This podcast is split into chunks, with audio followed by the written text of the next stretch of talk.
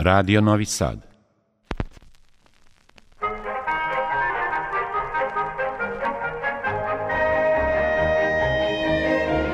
Putevima muzike. Vodi vas Olena Puškaš.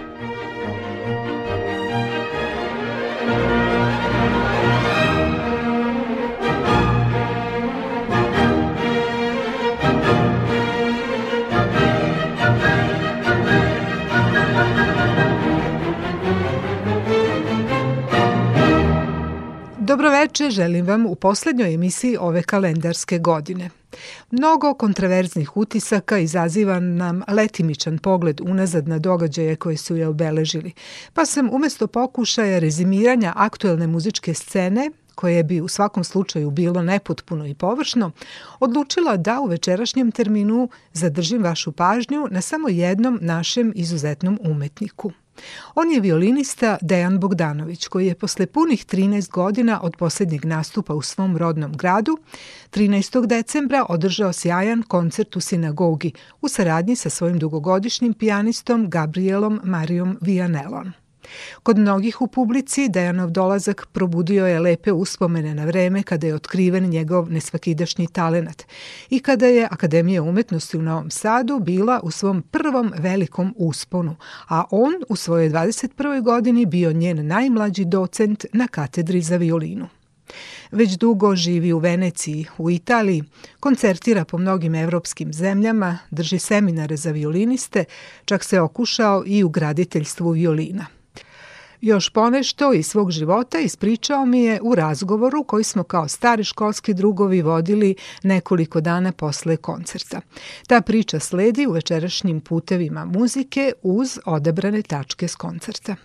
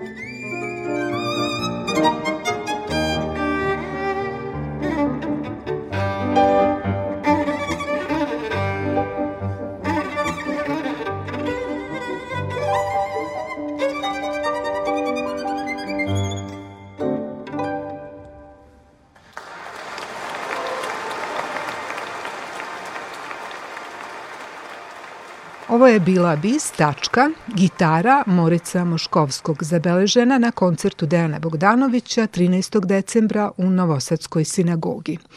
Emocije koje su tom prilikom strujale između podijuma i publike u koje je bilo puno Dejanovih prijatelja, bivših studenta, kolega, poštovalaca, ostavile su na sve snažan utisak i dale ovom događaju posebnu draž. A ja sam sada veoma uzbuđena i srećna što ovako uživo i na miru mogu da porazgovaram o svemu tome. Pa Dejane, dobrodošao na Talase Radio Novog Sada u naš novi studio. Još bolje vas našao i dobroveče svim slušalcima. Evo, voljela bih prvo da krenemo od ovog e, koncerta, odnosno dva koncerta koja si tu održao. Na oba si sreo puno svojih e, nekadašnjih e, prijatelja, poznanika. Kako si se osjećao, koja je emocija bila prisutna u, u tebi tom prilikom i evo svih ovih dana koliko si tu? Ha, jako je teško to opisati. E, svaki koncert je važan i ima svoju e, svečanost i težinu i dubinu. Ali ovi koncerti, pogotovo koncert u Novom Sadu, za mene je nešto vrlo, vrlo specifično. I to nije samo ovaj, e, poštovanje prema muzici i prema modelima koje želimo da izvedemo. To je mešavina sećanja, e, zahvalnosti gradu, zahvalnosti ljudima koje sam sretao, zahvalnosti ljudima koje nažalost ne mogu više da sretnem, a koji su opet na neki način u meni prisutni i koji me na neki način zahvaljujem, pošto su deo mog života, ali je deo i mog stvaralaštva.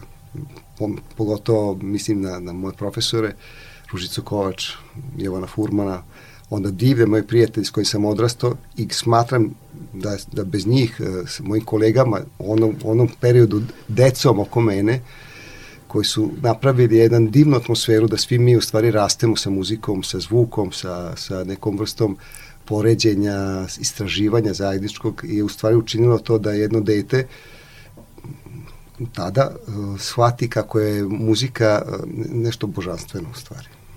Ta izmena i razmena je, je u stvari naj, najlepša stvar. Od tada, od vremena kada si prvi put uzeo violinu u ruke i kada je otkriven e, tvoj talenat ovde, prošlo je dosta vremena, a evo da se sad opet vratimo na ovaj sadašnji tvoj koncert, njime si proslavio 25 godina saradnje sa sjajnim tvojim saradnikom, pijanistom. Ja bih volila da ga sada predstaviš i da, da čujemo kako ste se uopšte sreli, kako ste se prepoznali i koliko je važno u stvari da pronađeš nekog partnera koji na isti način osjeća muziku i istražuje tu partituru zajedno s tobom. Da, to je neverovatno važna stvar u stvari. Gabriele Maria Vianello, Mirabello, je u stvari um, jedan najbolji pijanista svoje generacije italijanski na, u, u Italiji. I ne samo u Italiji. On je, on je jedan vrsan solista, pijanista koji naravno ima svoju solističku karijeru. I ja mislim da to na neki način ono što bi se reklo u začećima istraživanja u stvari bilo je presudno, jer ja nikada u radu sa, sa pijanistima nikad nisam želao da imam korepetitore. Ja sam uvek tražio da, da sviram sa solistima zbog raznih razloga, ali prvenstveni razlog je to što oni imaju drugačiji mentalni stav, a i, i naravno o, i odabir programski je, je mnogo, mnogo širi zahvaljujući njihovi bravuri i, i, i iskustvu koje imaju. Što se tiče Gabriela, e, ja sam pomenuo to i na koncertu, ti 25 godina nisu samo 25 godina stvarala što zajedničkog, to su 25 godina jednog divnog prijateljstva, prvenstveno. E, malo ljudi da ovde zna, mislim, i normalno je da to nije tako dostupno ovde u našoj sredini. Njegov otac je bio jedan od najznačajnijih pijanista italijanskih, Giorgio Vianello, koji je uh, u svoje vremeno 60. 70. i 80. godine imao najznačajnije koncerte švila sveta. Kada je recimo Rubinstein dolazio da, da nastupa u, u Veneciji ili recimo u Vicenci ili recimo u Milanu, on je zelo samo Đorđa da vidi. I verujte mi, moj prvi kontakt je u stvari bio s njegovim ocem i moja prva ideja je bila svina sa njim i, i njegova ideja je bila s njim. Nažalost, zbog zdravstvenih razloga, on je na jedan vrlo, kako bih rekao, za mene iznenađujući način rekao, ne brini ništa, ja ću ti dati svog sina. Ja sam ostao ovako iznenađen, pošto to je bilo kao da mi poklanja matene, kako bih rekao, da ne kažem jednu, neku stvar u stvari. Bio sam, bio sam u stvari počešćovan, ali isto tako i malo ovaj, postiđen. Naš prvi koncert je bio kao što ste sad čuli ovaj poslednji. Tako da tih 25 godina što se tiče nekog našeg muzičkog sarađivanja nikakve velike razlike nije bilo. Sve što je stvari divna stvar. Sada ćemo i muzikom potkrepiti ovo što je rečeno. Slušamo deo iz sonate za violinu i klavir opus 18 Richarda Strausa.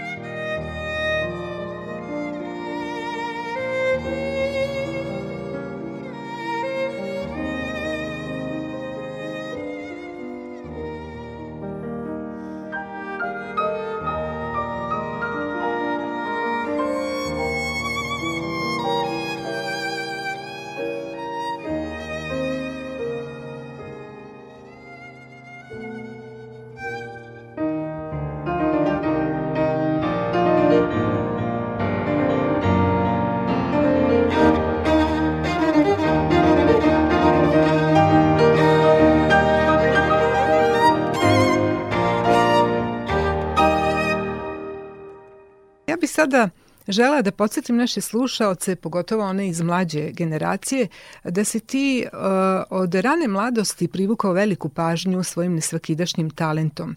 Nazivali su te baš genijem boja isticali lepotu tona i bogatstvo muzičkih ideja.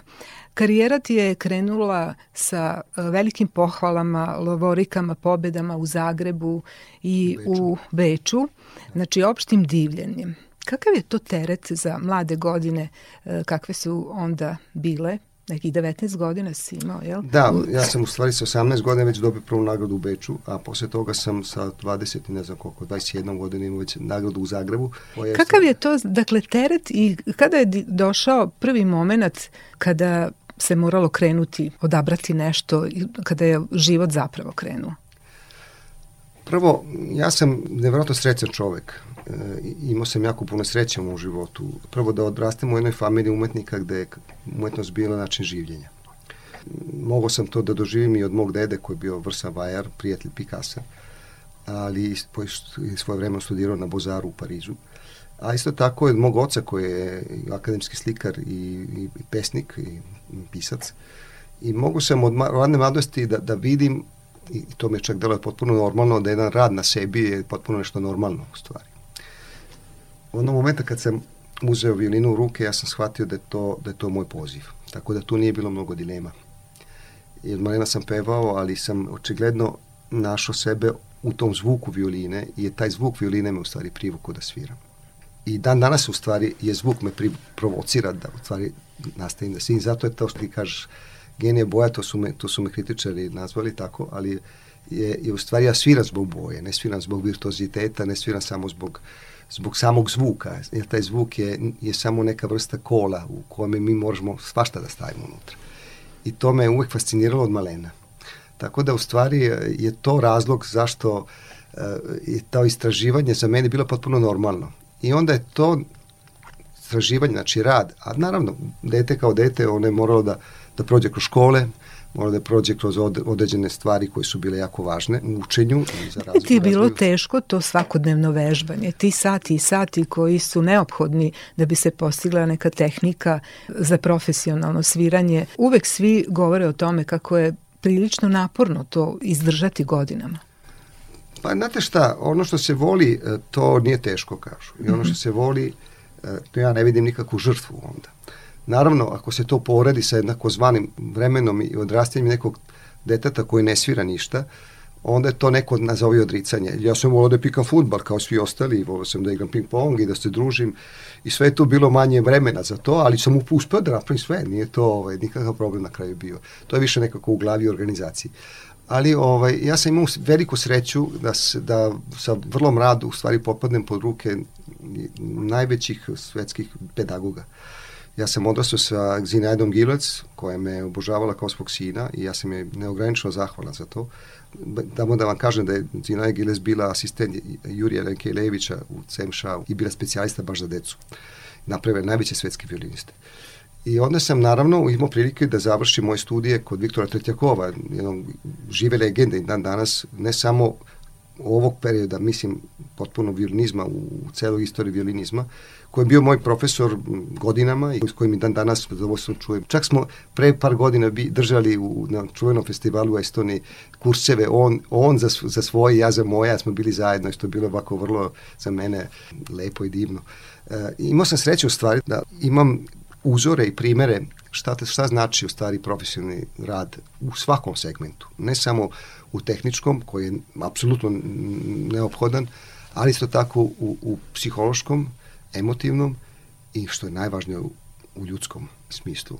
Oni su tu, bez obzira na sve, uticali jako mnogo. Naravno, familija utiče bez, bez danjeg, ali u, kad se govori o muzici, mi smo na neki način malo, svi malo senzibilni i imamo neko to šesto čulo je, normalno svirati kamernu muziku da. sa nekim e, vrlo kompleksna dela sa, sa vrlo malo vremena, tu nema mnogo priča. Profesija morate, muzičara to podrazumeva, da, to ne možeš da, biti neosetljiva. Da si... ali morate da pokačete informacije bez ikakvih reči, sa, sa pogledom, sa, tako da u stvari e, odrastanje sa, sa ljudima tog nivoa je apsolutno pokazalo da je sve moguće i da, je, i da taj visoki kvalitet koji je neophodan i koji zaista je to što čini u stvari lepotu u, u muzici je potpuno normalna stvar ako se to prirodno, ali sa, sa strašću uđe u takvu, takvu vrstu posla. Ipak verujem da prolaženje kroz vreme i, i, ta, i to stalno drugovanje sa muzikom i sa instrumentom dovodi do nekakvih kriza i prekretnica. Da li je toga bilo? Pa, što se tiče života sigurno, ja mislim da to nije samo kod mene, to je pitanje koje mo, može svaki čovek da, da, da... I znate kako, vi putujete jednom pravom linijom, jednim autoputem i jedno vreme sve to i lepo ide. Dok je iznenad se nađete na jednoj raskrsnici, onda stanete i znate da možete ići levo, desno ili pravo. Nazad ne I možete. I kako se to prevazilazi? Šta, šta odlučuje o tome u kom pravcu dalje tu, krenuti? Očigledno odlučuju uh, mnogi faktori, ali mislim da je prvenstveni faktor je u stvari ona ljubav i vrednosti koje nosi, koje u stvari odlučuju koji će, da će ići levo, desno i pravo. Nedavno mi je neko pitao baš ovaj, šta smatram mojom najvećom nagradom. Ja sam rekao, naj, moja najveća nagrada, misleći naravno najvjerojatnije na nagrade koje svoje sam ja, pored ovih nagrada što, ste, što smo pomenuli, imao jako mnogo drugih prethodnih. Mm -hmm. I ovoj sam takmičenja gledao kao na neku vrstu scene da bi mogo da otvira moj program i, i da pokažem sve ono što sam istraživao, radio i, i usavršavao. A ne kao neki način isticanja da to mora biti ne znam kakva nagrada. Zar to takmičenje ne nosi jednu ipak povišenu dozu stresa? Apsolutno da, da. Ali ta povišena uh, doza stresa zavisi od kako, psihološke pripreme čoveka, kako on to takmičenje sa, sagledava. Mm -hmm. I našao sam intervju baš posle nagrade, moj intervju u, u politici posle nagrade u Beču.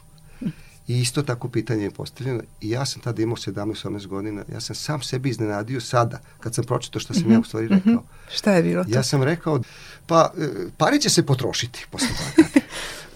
e, posle mene doći će druga imena na tom takmičenju. I to će se zaboraviti. Ali ono što se ne može zaboraviti, to je to iskustvo koje meni ostaje. I zaista to iskustvo je, je ono što, što u tim kriznim situacijama, takozvanim kriznim, koji verujem da svaki muzičar ima, te u stvari uvek vraća na, na sunce i na put. I moje najveće nagrade u stvari moja ljubav prema muzici koja me dovela da sretnem divne ljude, da imam iskustva i da doživim iskustva koje inače možda nikad ne bih mogao da doživim, da putujem i tim putevanja opet da sretnem druge ljude i tako dalje i tako dalje.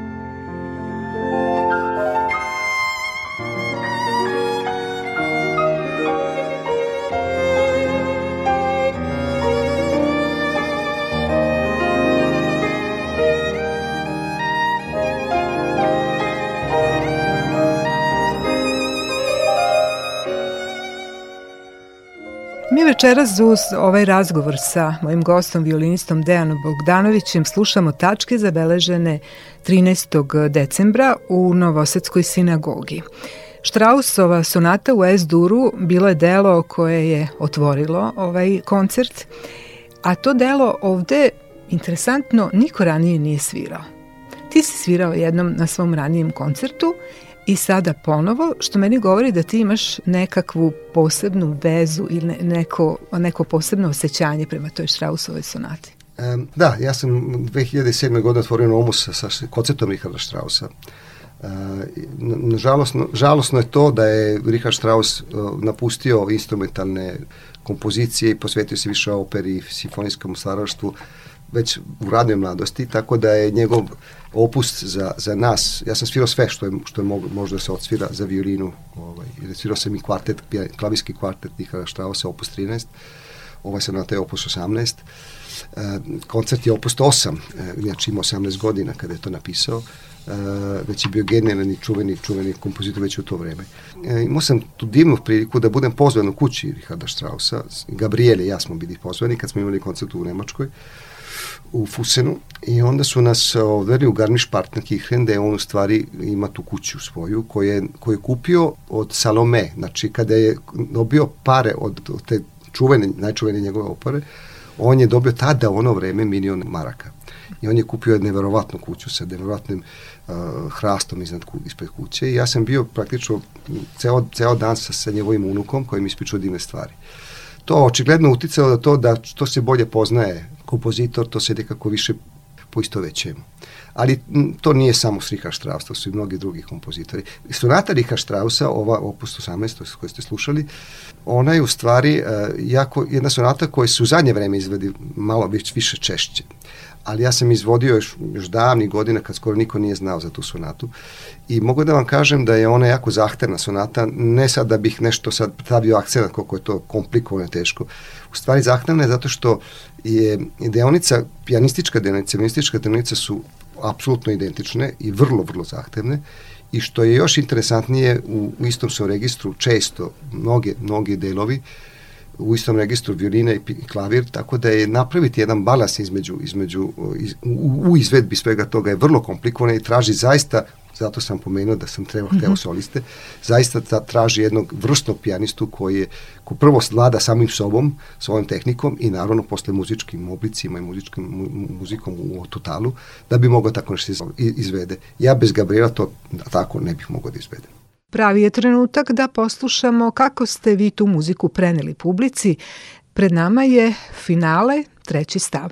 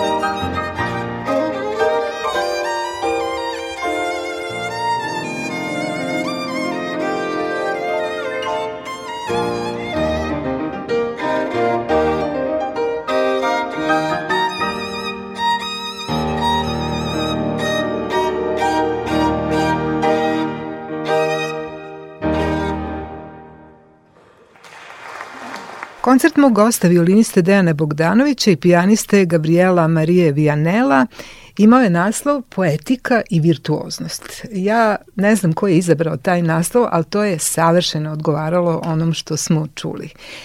Da li je teže proizvesti tu poetiku ili virtuoznost koju moraš brusiti, moraš imati reflekse, vešte prste, a poetika je nešto nedodirljivo.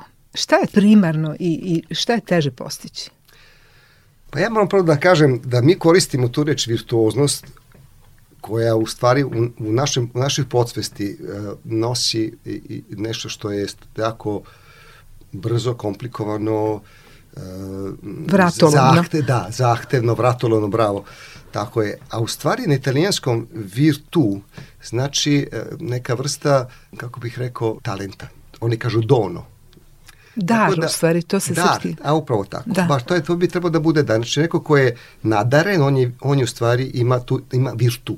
Znači, mm -hmm. I od mhm. toga je postala virtuoznost. Tako da je u stvari, to je igra ne samo reči, e, i igra i značenja. E, I poetika je apsolutno, u, u, barem u onome što ja želim da izražim u muzici, je apsolutno ko mene uvek prisutna zato što smatram da je instrument kao violina, kao instrument je, je u stvari rođena kao glas, kao sopran. -hmm. Znači ta poetika uvek mora i ta pevnost uvek mora biti izražena zato što i, čak i takozvanim virtuoznim kompozicijama, pogledamo samo od Paganina na, na primjer, on jeste da odma, ali ne, posle par pasaža on će odmah početi da peva. Prema tome ta, ta pevnost i ta poezija i ta poetika je uvek prisutna i na, doći do toga da to bude tako odma prihvatljivo, pogotovo na koncertu, nije tako jednostavno pevati na violini je vrlo kompleksna stvar, kao što je pevanje, vrhunsko pevanje opere isto tako vrlo kompleksna stvar. Virtuozitet u ovom slučaju je vezan sigurno i za, i za program koji je i tekako zahtevan, znači od, od prve do posljednje note je uvek je bilo, ovaj, kako bih rekao, program je toliko tražio da bismo mogli da budemo uvek ne samo prisutni, nego da damo sve od sebe. Tako da je zbog toga taj virtuozitet tu. Kada je reč o virtuozitetu, onda treba podsjetiti da je Franz Liszt jedna od prvih pravih muzičkih zvezda, ali to se pre svega odnosi na pijanizam, odnosno klavir. Veliki koncertantni duo koji su izveli Dejan i Gabriel i koji sada sledi, jeste jedno od malobrojnih briljantnih dela koje je Liszt namenio violini. Ono je inspirisano romansom čuvenog francuskog violinskog virtuoza Šarla Filipa Lafonta, koji je u istoriji muzike poznat kao najveći Paganinijev rival. Duo teče u gustom muzičkom toku, punom sugestivnih dijaloga i fantazmagoričnih prepleta između violine i klavira, tako da je više nego očigledno da ovo delo nije pisano za jednog virtuoza, već za dva ravnopravna.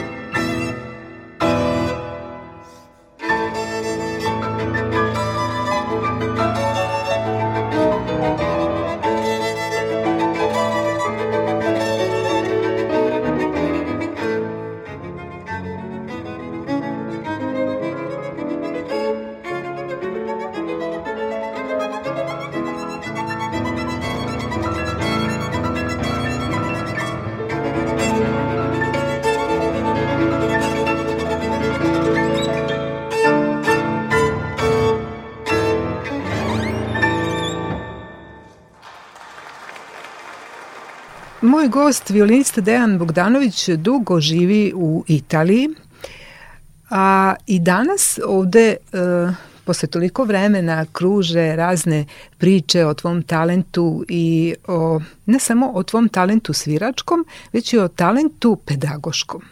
Uvek si znao da drugima objasniš nekakve cake i, i onaj kome si otkrio samo neki detalj, odmah je prosvirao. Sada se takođe baviš pedagogijom na neki način jel, u Italiji, e, na koji način i kako se to spaja poznavanje sebe i prenošenje na drugog?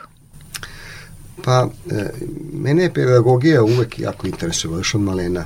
E, ne bih sad ovde ispada da se nešto hvalim, ali ne znam, ove nove generacije da znaju, ja sam bio najmeđi docent na akademiji u Novom Sadu svoje vremeno.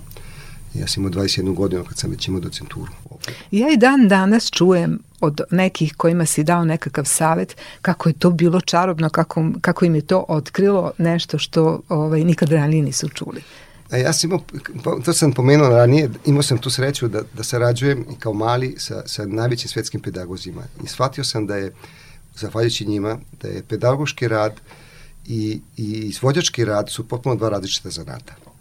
I zato odlični, recimo, izvođači nisu uvek dobri pedagozi. Zato da, i često pitam. nisu, često nisu, kao što je često slučaj da ljudi koji su izvrsni pedagozi ne moraju i nisu, recimo, izvođači ili da, su se da. posvetili samo pedagogiji i nisu mogli da... da Upravo da, zato da, sam i pitala kako da. to kod tebe ide zajedno. Pa to što dozvoljava da ide zajedno je ta moja znati želja što se tiče, ja sam u stvari uvek zaljubljen u čoveka mene taj energetski paket čoveka koji stoji ispred mene i naravno ja ispred njega je u stvari uh, ono što me nagnalo uvek da otkrijem kako, kako ti ljudi čuju, kako oni slušaju, šta oni vide, šta oni mogu da, da sagledaju i to da usporedim recimo sa onom što nekim mojim iskustvima. I naravno to ono što obogaćuje čoveka. I naravno pedagogija ako se tako pogleda, gleda u stvari sagledava, ona je neverovatno jedno ogromno bogatstvo. Naravno, uskladiti se te dve stvari je vrlo kompleksno, zato što ja sam pedagog, ali sam prvenstveno solista. Znači, ja moram da imam dovoljno prostora i vremena da mogu, da, kao što si rekao, da istražujem i da radim i da, da pripremam programe i da putujem, ali to nije ovaj prepreka da se odvoji to pravo vreme za ljude koji su isto tako znati željni i koji isto tako žele da se posvete i telom i duhom violini i mogu da vam kažem da ja ne verujem da sam tu ne, nešto specijalno što se tiče toga, jer kad pogledamo u istoriju i pedagogije, mi možemo da vidimo recimo jednog Davida Ojstraha koji je bio fenomenalan pedagog, koji izrodio jednog Kremera i mnoge, mnoge druge Pikajzena, ali isto tako znamo šta je kao solista. Znači sve se može, ali mislim da je tajna, ako mogu tako reći, da jedan pedagog shvati da je sviranje violine i raditi pedagogiju je potpuno su dva različita posla. Ono što ih vezuje, to je mehanizam tog posla. To da. I ja se trudim uvek da, da, da što manje sviram na časovima, zato što bih volio da, da oni imaju neke svoje i da, i da, i da prihvatim neki, i da u stvari razumem te njihove ideje i onda mogu da sa lakoćem da vidim da to valja ili možda treba usmeriti malo bolje to. Tako da je sviranje na časovima kod mene je samo ono kad je potrebno, baš kad je potrebno, ali ne kao neka vrsta davanja modela zvukno, zvukovnog modela odmah da, da bi to trebalo da bude neka kopija. Tako da je u stvari uskladiti to i ta psihologija je, je jako interesantna u stvari. To me u stvari i dan danas neki put jedva čekam da odem da predajem zato što tačno da, mi fali tačno, to. to što si rekao sad psihologija, svaki čovek je biće za sebe i drugačije razmišlja, ima drugačiji background, drugačije doživljava neke stvari. Pa kako ti otkriješ šta kome odgovara? Pa ja mislim da je baš ta različitost, ta, ta, ta raznolikost u stvari je pravo bogatstvo. E, ja se nažalost sam moram malo da napravim jednu kritiku ovaj, koja je u stvari vezana za jednu prednost. Znači prednost da mi imamo danas, zahvaljujući tim mrežama, e, internetu, YouTube-u i različitim tim izvorima, dostup informacijama koje recimo do 15, 20, 30 godina su bile nezamislive. Naravno, te informacije su jako interesantne, ali mogu biti neki put ako neko ne zna kako da ih filtrira, jako pogubne. Mm. Tako da to je prednost i mana. Ali ovaj, eh, otkriti šta je u njima, šta je njihovo, a šta je ono sa strane, to je ono što, što je najinteresantniji deo posla u stvari, barem kod mene. Jer recimo što se tiče samog mehanizma sviranja violine, ne bih želeo da to da zvuči pretenciozno, ja ne, nikad ne predavao da, nema, da, da imam tajni da, da u stvari da, da nisam otkrio šta tačno treba da se napravi. To je ogromni deo posla, pošto to vezano nas, za našu biomehaniku, za naše vežbanje, koje može biti, to se mogu da se uverim, vrlo pogrešno godinama. Neko ko nije znao mogo je godinama da usadi jednu mišićnu memoriju u, u, u svom radu koja je potpuno, ne samo što je pogrešna, čak i opasna. Ja sam vidio ljude koji su imali bolove i palitetiva i sve svašta. E, znači, u, na neki način iskoreniti tu, tu, tu grešku i ubaciti pravu stvar je vrlo komplikovan, zato što znamo da taj automatizam nas spašava koncerte kad smo na sceni. Zamislite ako imate pogrešnu informaciju koju ste godinama radili. Znači i to treba... Tež, teže ispraviti. I teže ispraviti mnogo često, i, ali, ali se može, naravno sa velikim trudom i naravno to treba da bude ogromni deo tog posla radi sam student, znači on mora da ima tu želju i volju da to ispravi ali zahvaljujući ovaj, ljudima koji sreće, koji su i profesionalci, oni to i tekako žele, tako da to, to je manji, manji problem, što bi se reklo. Došli smo do sledeće muzičke tačke snimljene na koncertu u sinagogi. Pred nama je odlomak iz čuvene barokne sonate Đavolji triler. Anegdota kaže da je autor, Giuseppe Tartini, sanjao da je u podnožiju svog kreveta video đavola kako izvodi triler napisan u poslednjem stavu sonate. Do tog maestralnog tehnički vražije teškog kraja sonate dolazi se postepenim usložnjavanjem muzičkog toka zasnovanog na dva kontrastna dela, koje čine ogledalo dvojne prirodne sonate. Slušamo tumačenje Dejana Bogdanovića i Gabriela Marija Vijanela.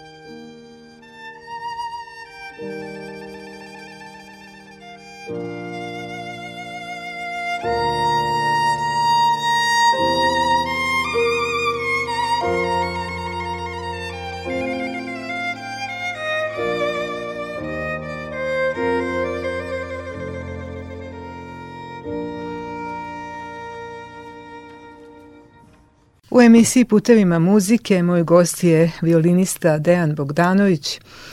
Tvoja karijera traje evo sad više decenija, jako dugo. Nećemo za to, brojati. nećemo brojati, ali e, za to vreme su se dosta stvari promenile i u tom muzičkom svetu, da ne kažem biznisu. Malo pre se spomenuo evo i to da se mladi ovaj, obraćaju YouTube-u, mrežama i uh, što žele... Nije, što, što nije greška. Što nije greška, da, ali to je jedan skroz drugačiji uh, način usvajanja nečeg što je dobro ili što nije dobro i uh, sve nekako se ubrzalo.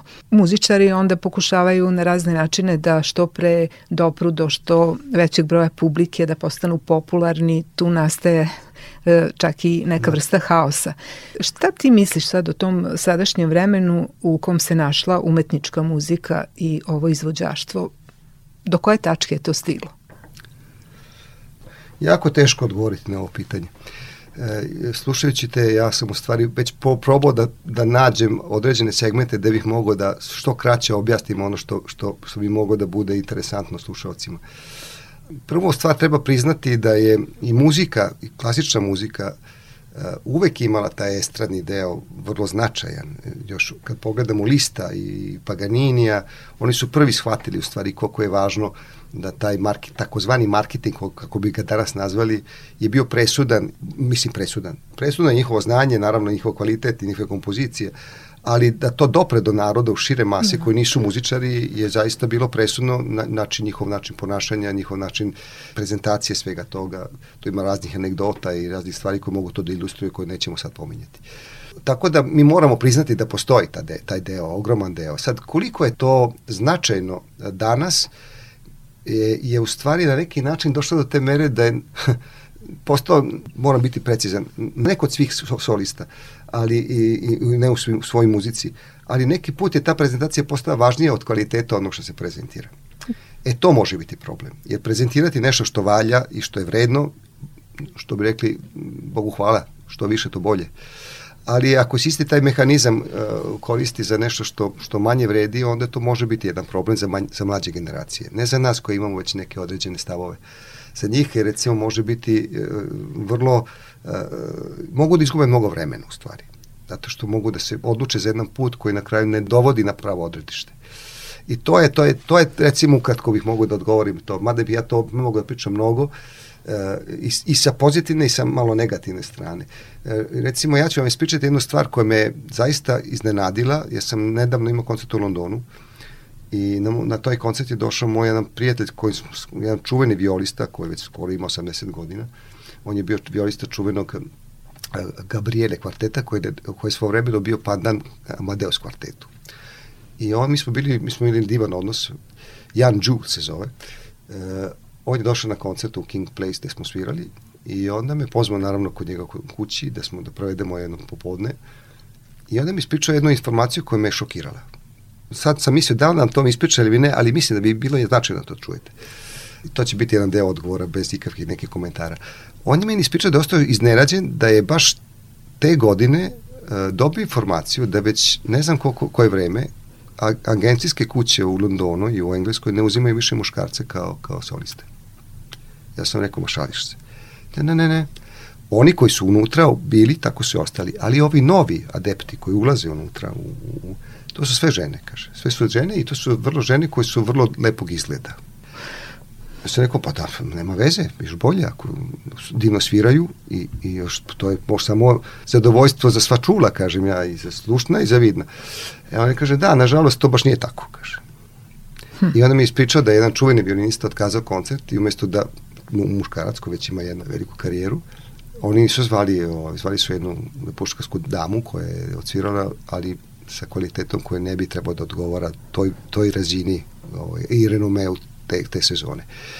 Nadam se da je to samo bilo privremeno. Ja to ne to znam. To je baš jedan drastičan primjer. To je drastičan primjer gde to može, taj, ta prezentacija i taj marketing, kako može da se izvitoperi i ja mislim da to može biti samo prolazno, ja se nadam da je to samo prolazno, jer ja vidim da postoje sad fenomenalni muzičari, mladi, mladi skoro deca, muškarci, isto žene, bez obzira, to meni nikad nije nekako merilo, koji tekako dobro sviraju i nastupaju. Ja se nadam da, da to neće biti tako dugo, eto.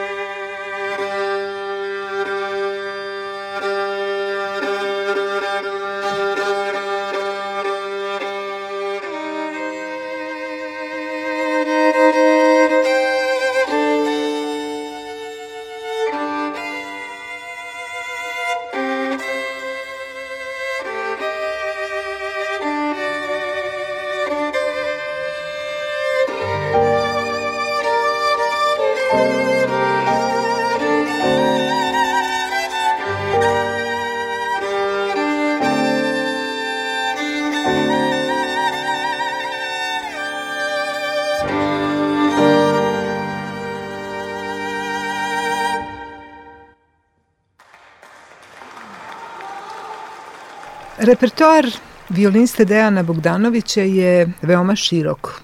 To smo čuli i na ovom koncertu.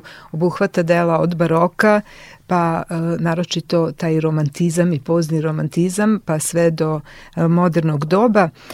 Međutim, e, Pri tome imaš potrebu da dalje istražuješ. Evo čuli smo i sada iz ovog razgovora da istražuješ, da upoznaješ neku pozadinu tog dela, ljude koji su u tome učestvovali. U kom pravcu su išla tvoja istraživanja? Mislim da nešto vezano za Ežena Isaija imaš da nam pričaš. Da, um, ja sam par godina pre pandemije imao priliku, bio sam pozvan na, na Kraljevske konservatorije u Liježu. Treba reći da je Izai rođen u Liježu. I ne samo Izai. Iza, Lijež je rodni grad i Cezara Franka.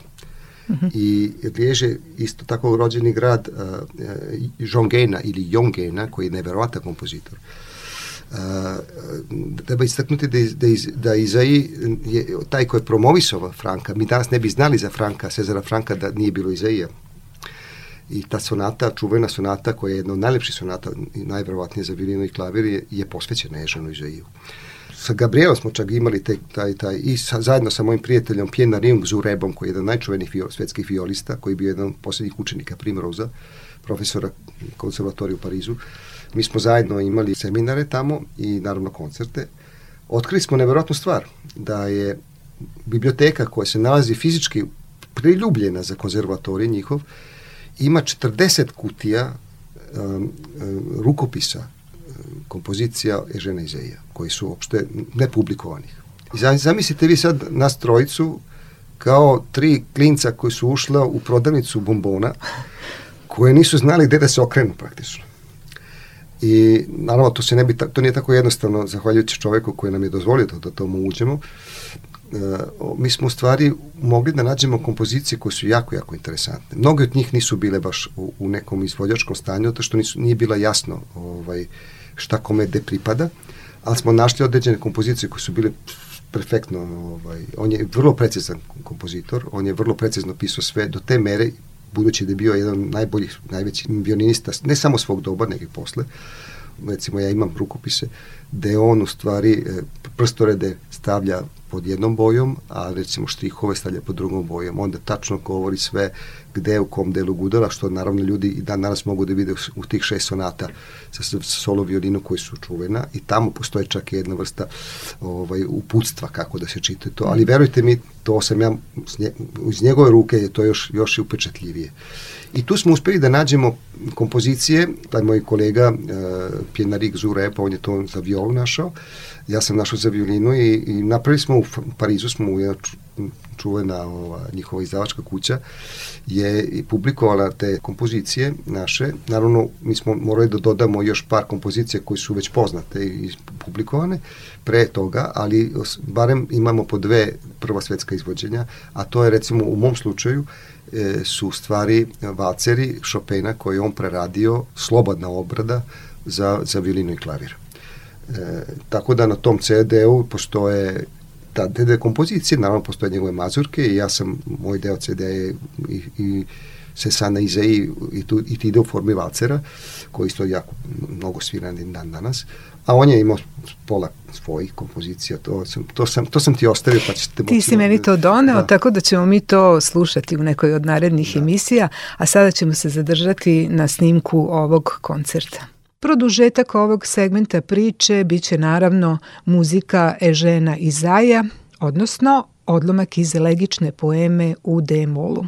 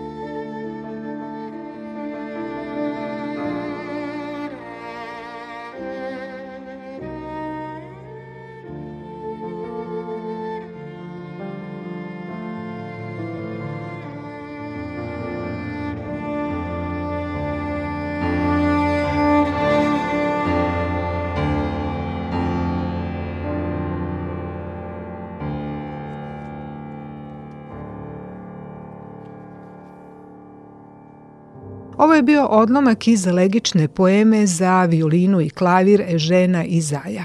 A moj gost u emisiji Putevima muzike na talasima Radio Novog Sada je violinista Dejan Bogdanović. Pa evo da sad nekako i privedemo kraju ovu našu priču i ova, ova naše putovanje putevima muzike. Šta predstoji u tvojoj karijeri sada? E, šta nam možeš otkriti? Čime se baviš trenutno i u nekoj bližoj budućnosti? Pa, već posle koncerta u Novom Sadu već sam morao mentalno da se pripremi za neke druge stvari. E, te druge stvari su recimo sad će biti nastav, naravno nastavak naše 25. godišnjice saradnje. Mi ćemo imati određene koncerte, znači naš prvi koncert će sad za jedno mesec, mesec dana biti u Bolonji e, u sali San Filippo Neri koja je jedna od najznačajnijih sale kod njih i ovaj e, i moram već da smislim koji će program biti tamo ili neće biti isti, kao što ste mogli da čujete ovde, će biti velika razlika.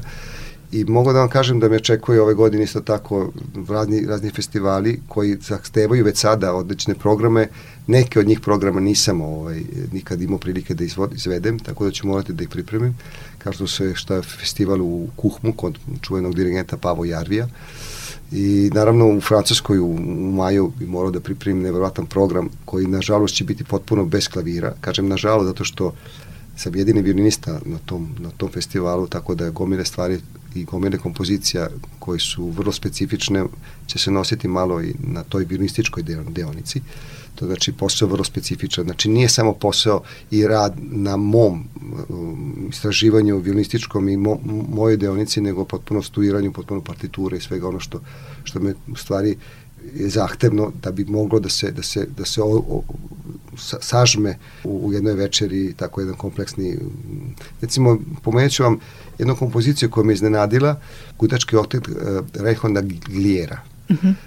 Glijera malo ljudi koristi i malo koristi izvodi njegova dela koji je božanstven kompozitor a taj oktet je toliko zahtevan da smo nama na jednom festivalu tražili da to odsviramo sa vrstim izvođačima, samo neću nabrajati imena ovde, A, ovaj, I naravno po protokolu mi smo treba da imamo samo dve probe i izvedbu koja treba da se snimi kao danas na, na, na direktnost koncerta. Mi smo svih, svih nas osmoro, odavno da kažem da četvrta velina bila asistent Zahara Brona, a da je, pr, da je violončelista bio prva, prvi violončelista Londonske filharmonije. Mi smo se samo pogledali i napravili smo osam proba. Van svih ostalih naših Tako da nikad vi ne znate u šta vas dovodi takav jedan posao. To ako može sve da deluje, a kad uđete unutra shvatite da treba, proba još više, još više, još više, još više. I nikad dosta. Nikad dosta, I nikad da. kraja. Nikad kraja. I evo, došli smo do kraja ovog našeg večerašnjeg eh, razgovora. Meni je bilo veliko zadovoljstvo E, kako pričati s tobom, tako i slušati divnu muziku koju izvodiš sa tvojim pijanistom Gabrielom Marijom Vijanelom. E, Olena, ja, ja ću iskoristiti ovu priliku da kažem jednu stvar. Ja sam dete ovog grada. Bez obzira na sve ono što, što živim i što preživljam i što ću proživeti, moji koreni su uvek bili ovde i ostaće ovde. Ja sam ovde odrastao, ja sam ovde dobio e, prve, prve pečate svih nekih vrednosti koji dan danas smatram jako značajnim, koje me vode i, i, i pomažem u životu. I teo bih da se zahvalim u stvari na neki način mom gradu, a na taj način se zahvaljujem i određenim ljudima koji su tu, a i nažalost kojih nekih i nema, ali bez obzira su uvek tu i teo bih, ne, ne bih želeo da zvučim patetično, ali na kraju krajeva osjećam veliku ljubav prema ovom gradu i prema svemu, svemu što radite ovde za kulturu, za, za humanizam i za ljudstvo i pogotovo vama što radite u muzici, jer to je ono što me najviše dodiruje. Hvala ti na tome. Ja mogu samo da kažem da smo mi ponosni što imamo takvog violinistu kao što si ti i uvek ćemo uživati u tvojim koncertima i nadam se da nećemo dugo čekati na sledeći. Ja sam ponosan što sam na novoseljen. Hvala. Vama.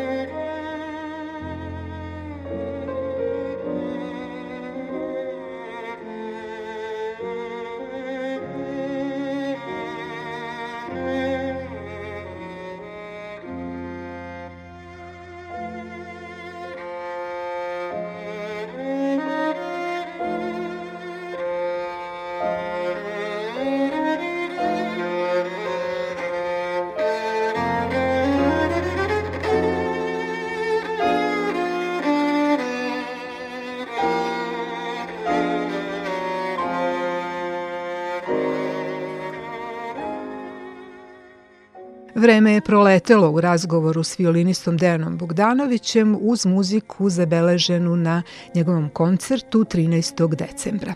Sada se već približio kraj 27. decembarskog dana, a time i kraj našeg druženja u emisiji Putevima muzike. U studiju Radio Novog Sada ton majstor je bio Jovan Gajić. Moje ime je Olena Puškaš. Ja vam želim laku noć i podsjećam da ovu emisiju možete slušati i odloženo na adresi media.rs u folderu radio emisije umetničke muzike. Do slušanja.